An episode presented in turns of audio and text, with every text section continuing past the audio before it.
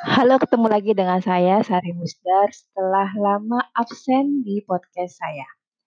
Kali ini saya mau cerita tentang tips siap ke dunia kerja. Ini untuk teman-teman, untuk adik-adik yang baru lulus kuliah atau baru setahun dua tahun bekerja, hmm, kemungkinan bermanfaat banget ya. Materi yang akan saya berikan adalah tentang mindset dunia kerja. Untuk pertama, sesi pertama dan akan dilanjutkan tentang membuat CV yang menarik atau uh, riwayat hidup dan kemudian tips dan trik menghadapi interview kerja. Apa sih bedanya antara teman-teman semua saat masih kuliah dan setelah bekerja. Kalau waktu zamannya kuliah atau sekolah, kita dikasih PR. Tapi saat sudah bekerja, kita dikasih pekerjaan yang harus selesai saat itu juga. Perbedaannya adalah kalau dunia sekolah itu adalah dunia teori. Kunci suksesnya adalah nilai dan gelar akademis jadi penting. Sementara dunia kerja, kunci suksesnya adalah selain kerja keras juga komunikasi yang efektif dengan kolega, atasan, dan juga bawahan. Network yang lebih luas juga penting dan kita harus lebih menghargai uang. Perbedaannya tentunya ada di jam kerja. Tugas kita tidak bisa menunda tugas saat uh, atasan memberikan tugas. Kalau sudah dikasih deadline, kita harus mengumpulkan saat itu juga. Bahkan kadang-kadang ada deadline yang saling menumpuk.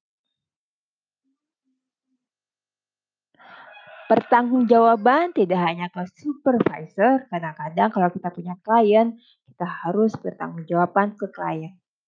Sementara reward dan punishment, ada reward berupa bonus atau kenaikan gaji jika memenuhi target. Ada punishmentnya berupa teguran atau surat peringatan. Sembilan kunci sukses nih untuk kamu yang akhirnya diterima di tempat pekerjaan baru. Pertama, anggaplah itu sebagai tantangan. Jangan langsung menyerah. Sibukkan diri kamu dengan pekerjaan. Be a self-starter. Ikuti gaya bahasa di kantor. Kalau gayanya casual, kamu harus casual. Kalau gayanya misalnya resmi, seperti misalnya kalau kerja di law firm, ya harus ikut gaya bahasa yang resmi. Yang kelima adalah pelajari atau amati supervisor dan manajer. Kamu juga mesti memelihara hubungan kerja yang menyenangkan. Jadilah seorang pencetus ide. Kalau di rapat bisa ditanya ada ide, jangan malu-malu untuk mengeluarkan ide kamu. Berikutnya harus inisiatif atau berkontribusi. Kalau di sekolah kamu mesti tanya-tanya tunjuk jari. Di pekerjaan, nggak bisa lagi seperti itu. Yang berikutnya adalah cepat belajar dengan fasilitas yang ada. Dan juga adalah cepat belajar mengikuti budaya atau culture perusahaan. Kamu juga harus mengubah pola pikir. Kalau dulu kamu bilang, aduh ini bukan keahlian saya. Sekarang, bagaimana saya bisa mempelajari keahlian yang baru? Kalau dulu kamu bilang, saya nyerah deh. Sekarang, kamu harus bilang, saya akan menemukan solusi lewat hal-hal yang pernah saya pelajari. Atau kamu bisa nanya ke atasan atau kolega kamu. Ini terlalu sulit. Kamu akan ganti ini dengan ini memang butuh waktu dan usaha ekstra. Sudah tidak ada lagi yang bisa saya perbuat nih. Kalau kamu ngeluh begitu, kamu mesti bilang, apalagi cara yang belum saya coba ya. Kamu mesti mencoba terus.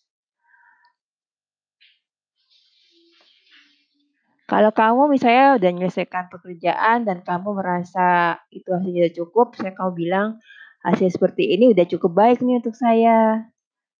Kamu masih nanya lagi nih sebelum kumpulkan ke atasan kamu, "Apakah usaha saya udah maksimal?" Nah yang berikutnya, kalau kamu diundang meeting atau rapat, mindset penting saat meeting adalah pelajari materi rapat sebelumnya. Kamu mesti, eee, istilahnya googling dulu kira-kira apa sih yang akan dibahas di materi meeting, supaya kamu punya ide yang fresh dan bagus untuk ditawarkan. Kamu juga mesti mencatat hal-hal yang bisa kamu sampaikan.